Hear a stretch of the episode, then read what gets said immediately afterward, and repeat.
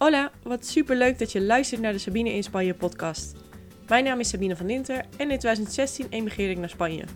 Een grote stap die ik aan iedereen aan kan raden.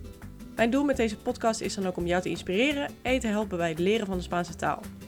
Ik deel mijn ervaringen met je over het leven in het buitenland en alles wat daarbij komt kijken. Vamos! Yes, leuk dat je weer luistert. Het is woensdag, dus dat betekent dat ik een nieuwe aflevering voor je klaar heb staan van Leren met Spaans, Leren met Sabine. Ehm, en je hebt mij misschien al wel eens horen zeggen dat het erg belangrijk is dat als je een taal leert, dat je jezelf zoveel mogelijk omringt met die taal. Dus ehm, ga series kijken, ga verhaaltjes lezen, ga dingen luisteren. Hoe meer je kunt doen zeg maar, om jezelf te omringen met die taal, hoe beter.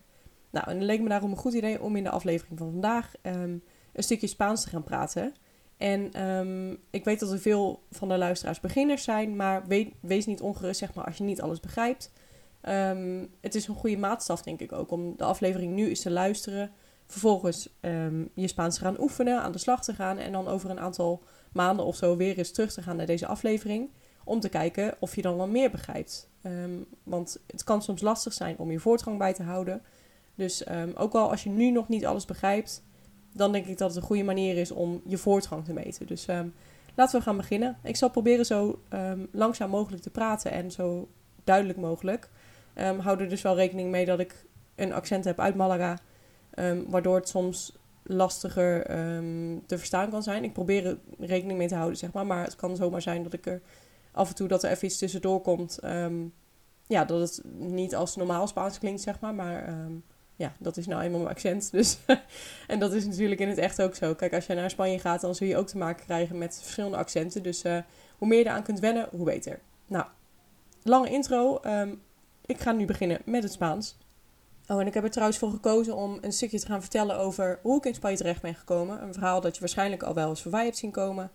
Um, of tenminste hebt horen komen als je mijn podcast vaker hebt geluisterd.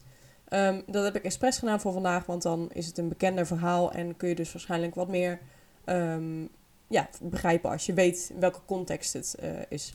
Oké, let's go. Hola, yo me llamo Sabine. Tengo 28 años. Soy holandesa porque nací en los Países Bajos, nací en Sertogenbos, que es una ciudad en el sur de Holanda. Y como siempre me gustó muchísimo viajar, elegí estudiar turismo. Y una parte de esos estudios era hacer unas prácticas fuera de los Países Bajos. Y el destino podía elegir yo. Entonces estaba buscando opciones y una opción era Málaga, en España. Y España me llamó mucho la atención porque me gusta el clima, la gente, la comida y entonces escribí una carta a la Escuela de Idiomas en Málaga, donde había un sitio para un estudiante para hacer las prácticas.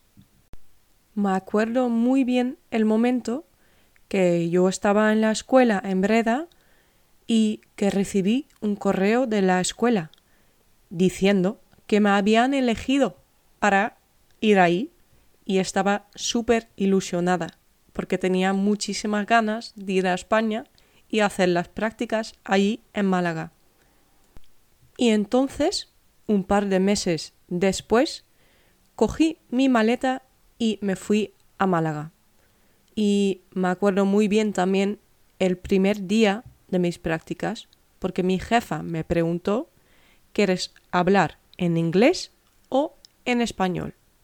Y yo dije, pues mejor en inglés, porque todavía no me sentí muy cómoda hablando en español. Y lo que me dijo era, vale, pues hoy sí, pero a partir de mañana vamos a hablar en español.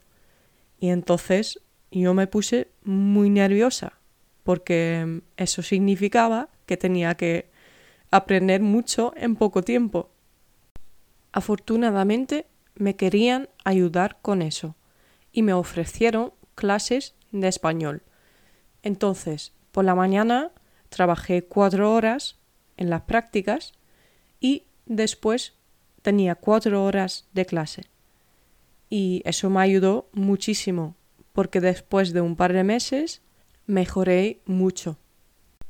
Y mi plan antes de ir a Málaga fue ir para hacer las prácticas y volver a Holanda.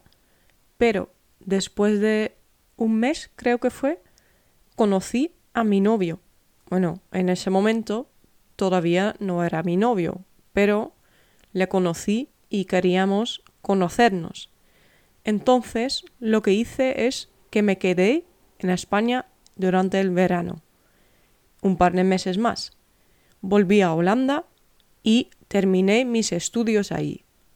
Pero en todo ese tiempo me enamoré con él y quería volver a vivir en España. Y entonces, en 2018, creo que fue, no, 2016, perdón, volví a España para vivir ahí y así acabé aquí. Y ahora ya llevo más de cinco años viviendo in Spanje y me encanta. Zo, daar ben ik weer in het Nederlands. Ik hoop dat je er uh, iets van hebt kunnen begrijpen en dat dit een beetje geholpen heeft met het wennen aan de Spaanse taal.